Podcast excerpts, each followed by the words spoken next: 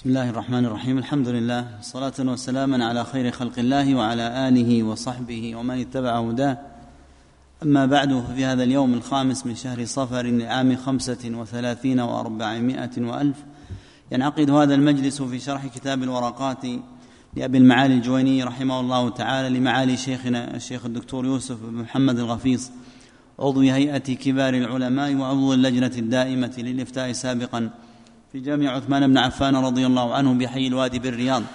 لا إله إلا الله. قال رحمه الله تعالى وقياس الشبه هو الفرع المتردد بين أصلين ولا يصار إليه مع إمكان ما قبله. ومن شرط الفرع سبق هذا سبق التعليق عليه. ومن شرط وقفنا الفرع عند قوله ومن شرط الفرع. نعم. ومن شرط الفرع أن يكون مناسبا للأصل. نعم. الحمد لله رب العالمين وصلى الله وسلم على عبده ورسوله نبينا محمد قال أبو المعالي الجويني رحمه الله تعالى في رسالته في الأصول ومن شرط الفرع أن يكون مناسبا للأصل. هذا في القياس. وعرفت أن القياس فيه فرع وأصل وعلة وحكم.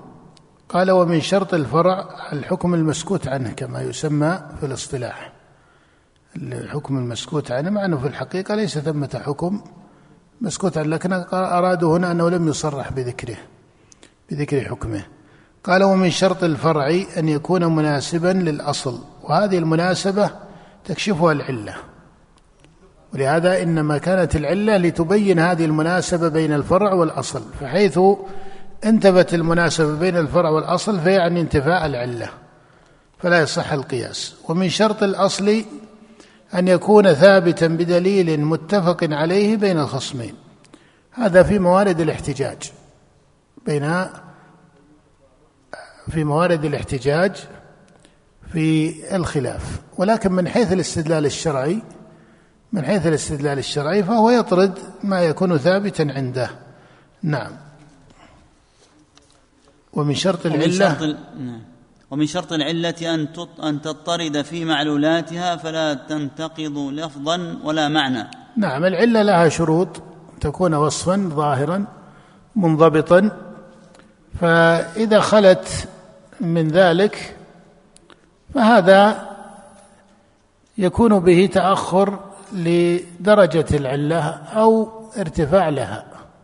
وهذا له تفصيل في كتب الأصول في ال- الوصف الملائم والوصف المناسب والمناسب المرسل والمناسب الملائم والمناسب المؤثر بعضهم يقسمها إلى ثلاثة أقسام وبعضهم إلى غير ذلك. فيفرقون بين ما يسمونه ملائما وما يسمونه مؤثرا وما يسمونه مرسلا. نعم. ومن شرط الحكم أن يكون مثل العلة في النفي والإثبات. ومن شرط الحكم أن يكون أعد ومن شرط الحكم أن يكون مثل العلة في النفي والإثبات. وعندك العلة هي الجالبة للحكم. شوي. بعدها نعم اقرأ الجملة الأولى ومن شرط ومن شرط الحكم أن يكون مثل العلة في النفي والإثبات. نعم بحيث أنه إذا انتفت العلة انتفى الحكم فيكون تبعا لها. لأن الحكم في الترتيب وإن سمي ركنا فيقولون أركان القياس أربعة الأصل والفرع والعلة الجامع الوصف الظاهر المنضبط إلى آخره والحكم الحكم هو النتيجة. فالحكم تبع للعلة فحيث ارتفعت العلة ارتفع إيش؟ الحكم. وحيث لا علة فلا قياس. ولهذا أبلغ مباحث دليل القياس كما سبق أبلغ مباحث دليل القياس كما سبق هو مبحث العلة لأنه هو الموجب للإلحاق. نعم. والعلة هي الجالبة للحكم والحكم هو المجلوب للعلة. نعم العلة هي الجالبة للحكم هي التي بها يقع الحكم. بها يقع الحكم. فهي الموجب لوجود الحكم والحكم هو المجلوب فهو النتيجة وهو مسبب عن السبب. إذا اعتبرته على الترتيب العقلي إذا اعتبرته على الترتيب العقلي فالعلة سبب والحكم مسبب. نعم. وأما الحظر والإباحة فمن الناس من يقول إن الأشياء على الحظر الا ما اباحته الشريعة فإن لم يوجد في الشريعة ما يدل على الإباحة يتمسك بالأصل وهو الحظر. ومن الناس من يقول بضده وهو أن الأصل في الأشياء أنها على الإباحة إلا ما حضره الشرع ومنهم من قال بالتوقف. نعم هذه ثلاثة مذاهب ذكرها أبو المعالي في الأصل. هل الأصل الحظر أم الأصل الإباحة أم التوقف؟ وهذه ثلاثة مذاهب مشهورة لأهل الأصول وللنظار من المتكلمين. وللنظار من المتكلمين الذين كتبوا في هذه المسائل. وقد يقال كما ذكر ذلك بعضهم أيضا بأن هذه المسألة ليس فيها إطلاق على كل تقدير ليس فيها إطلاق على كل تقدير. وتحتمل القول المقيد ولا تحتمل القول المطلق. نعم. ومعنى استصحاب الحال أن يستصحب الأصل عند عدم الدليل الشرعي. قال ومعنى استصحاب الحال أن يستصحب ومعنى استصحاب؟ ومعنى استصحاب الحال أن يستصحب الأصل عند عدم الدليل الشرعي. نعم هذا معنى استصحاب الحال. أن يستصحب الأصل عند عدم الدليل الشرعي. لكنك إذا نظرت وجدت أن الشريعة أعطت أحكاما كلية. أعطت أحكاما كلية. رجع ذلك إلى أن هذا الاستصحاب للأصل هو استصحاب للحكم الشرعي لكن أصبح الحكم الشرعي هنا حكما كليا كما في المطعومات مثلا في الطعام. فإن الشريعة أعطت فيه حكما ولكنه كلي. بأنه في الشريعة على الإباحة أليس كذلك؟ في قول الله كل قل لا أجد فيما أوحي إلي محرما على طاعم يطعمه إلا أن يكون ميتة. هذا الشريعة أعطت أن الأصل فيه الإباحة. فكل واحد من أفراد هذا الأصل الكلي يكون داخلا في هذا الحكم الشرعي. وعليه فكيف يترتب؟ كيف يترتب؟ أنها أحكام مبتدأة قبل ورود الشرع. وهذا كما سبق الإشارة إليه في بعض المسائل في بعض المسائل تكون مبنية على أوائل مقدمات منازع فيها. تكون مبنية على أوائل مقدمات منازع فيها. نعم. وأما الأدلة فيقدم الجلي منها على الخفي والموجب للعلم على الموجب للظن. نعم هذا في ترتيب الأدلة. قال وأما في الأدلة وكذلك في الدلالات. سواء أنت تعرف أن الدليل فيه جهتان جهة الثبوت وجهة إيش؟ الدلالة. جهة الثبوت إما أن تكون في عينه وإلا في أصله. جهة الثبوت إما أن تكون في عينه كقياس معين فهل هو من القياس المعتبر أو ليس من القياس المعتبر؟ كقياس معين في فرع. فهذا ثبوت العين. أو كذلك حديث. رواية فردة فأنت تبحث في ثبوت هذه الرواية من عدم ثبوتها. أو يكون في أصله كأن تقول أصل دليل الاستحسان. هل هو حجة أو ليس إيش؟ حجة. ثم إذا قلت إنه حجة بحثت في رتبته. هل يقدم على قول الصحابي أو على المصلحة المرسلة أو ما إلى ذلك. وعلم ترتيب الأدلة هو من جوهر علم الأصول علم ترتيب الأدلة وترتيب الدلالات. بل هذا هو فقه علم الأصول. فقه علم الأصول. أما تسمية الأدلة وتسمية الدلالات ابتداء فهذا في الغالب أنه مقدمة سهلة. هذا مقدمة سهلة. كان تقول القياس حجة والاستحسان حجة والمصلحة المرسلة حجة أو تقول فيها خلاف الراجح أن هذا حجة. هذا تسمية أليس كذلك؟ لكن وين الفقه الأبلغ في ماذا؟ في الترتيب. ترتيب الجنس أو ترتيب العين. كان تقول القياس يقدم على قول الصحابي أو تقول قول الصحابي يقدم على القياس. هذا ترتيب في الأصل. ثم إذا رتبت الأصل وقلت إن قول الصحابي يقدم على دليل القياس أو قلت العكس قول القياس يقدم على قول الصحابي. تبحث في موضوع الاضطراد من عدمه. تبحث في موضوع الاضطراد من عدمه. ولهذا في ظاهر مذهب الإمام أحمد يقدم القياس يقدم قول الصحابي على القياس. ولهذا كثير من المتأخرين إذا سموا مذهبه سموه هكذا من أصحابه وغيرهم. وفي مذهب الإمام أبي حنيفة يعتد بالقياس. وبعضهم يقول إن القياس مقدم على أقوال الصحابة في مذهب أبي حنيفة من أصحابه وغيرهم. ولكن عند التحقيق والبحث. تجد أن هذا وإن اعتبر أو أمكن عباره ادق أمكن اعتباره كاصل في أحد المذهبين. إلا أنه لا يلزم أن يفرع عليه فقد يقارن قول الصحابي من الحال العلمية المعتبره عند أبي حنيفة ما يدع قياسا لقول الصحابي.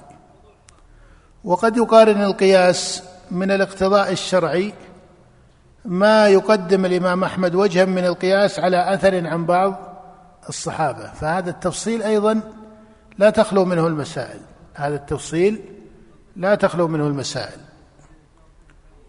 واضح يا إخوان؟ فهذا مما يحسن تتبعه مثل فقه الدلالات. مثله فقه الدلالات. لما تقول مثلا الترتيب بين الدلالات أن تقول المنطوق والمفهوم فإذا قلت المنطوق حجة. والمفهوم تعرفون هو صور بعضهم يجعلها سبعا وفي خلاف. فإذا قلت تلك الصور من المفهوم معتبرة فجعلت المنطوق حجة وبابا من المفهوم حجة. بقينا هنا في الترتيب فتقول المنطوق مقدم على ماذا؟ المفهوم. هذه الجملة المنطوق مقدم على المفهوم هي مقدمة سهلة. لكن الشأن الشأن في ماذا؟ الشأن في المقدمات التي بقيت. هل هذا بالفعل أنه منطوق لهذا الحكم؟ وإلا هو منطوق لحكم آخر. أحيانا يأتي منطوق ومفهوم يبين أن الأول منطوق وأن الثاني إيش؟ مفهوم. وهذا هو الذي يوقع التوهم لأنه إذا بان أن الأول منطوق والثاني مفهوم تبادر إلى الذهن مباشرة أن المنطوق يقدم على إيش؟ المفهوم. من أين يجيء التوهم في مثل هذا؟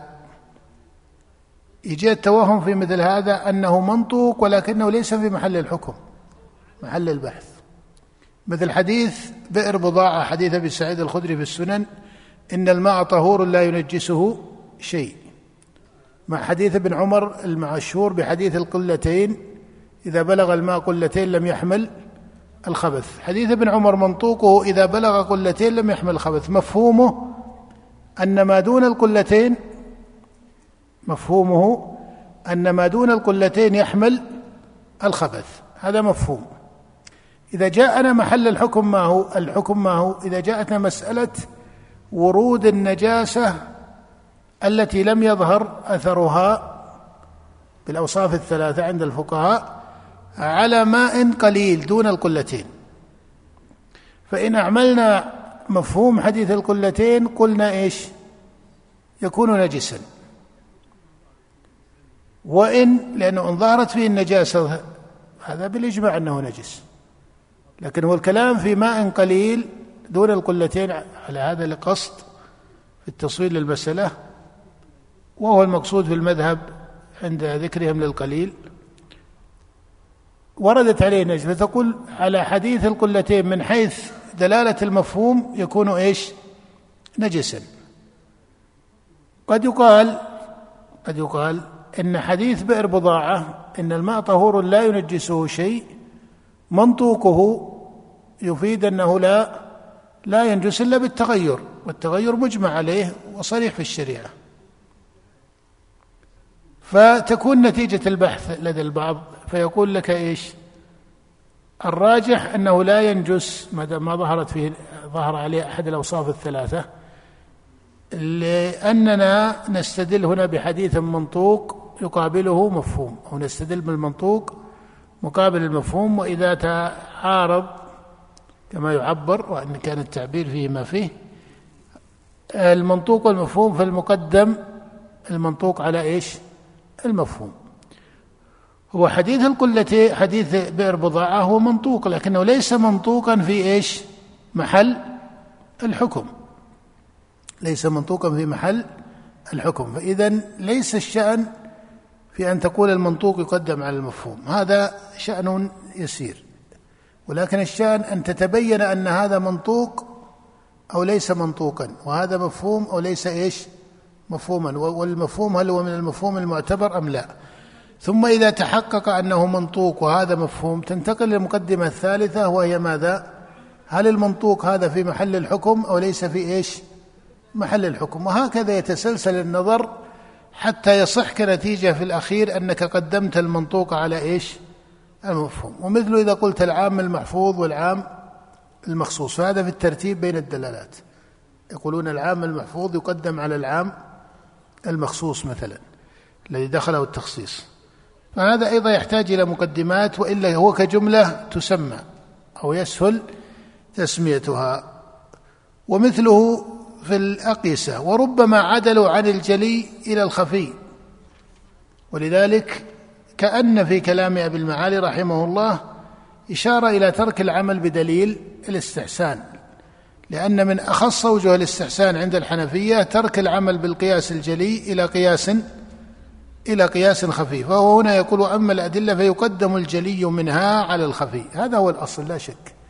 لكن هل يعدل عنه بما يسمى عند الأحناف وغيرهم الاستحسان؟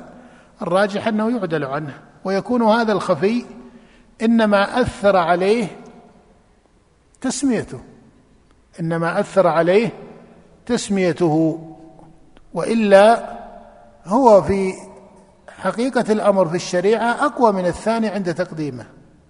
عليه هو في حقيقة الأمر أقوى من الثاني عند تقديمه عليه لكن أثر عليه ماذا؟ تسميته فإذا خطر على العقل الأول أنه خفي وما يقابله جلي قد يتبادر حكم العقل هنا فيقول إن الجلي أولى أليس كذلك؟ لكن هذا توهم فرضه الاسم. أنه سمي هذا جليا وسمي هذا إيش؟ خفيا. وإلا هو في حقيقة الأمر وفي نفس الأمر. في مثال القياس الجلي والقياس الخفي وما يكون على دليل الاستحسان منهما هذا الجلي في حقيقته ليس جليا في هذا المحل وذلك الخفي ليس خفيا في ذلك المحل لكنه الخفاء الإضافي الخفاء الإضافي الذي ترتب على هذا المصطلح. ومثله قال والموجب للعلم على الموجب للظن. فيقدم الإجماع القطعي على بعض الأدلة الظنية. وهذا مضطرد. هذا مضطرد في الأحكام. نقف على قوله والنطق على القياس والقياس الجلي على الخفي. وبالله التوفيق صلى الله وسلم على نبينا محمد. أيضا الورقات إن شاء الله نستكملها. بإذن الله في الأسبوع القادم لأنه ننتهي من درس الاعتقاد مبكرين ويكون ما بقي لدرس الأصول.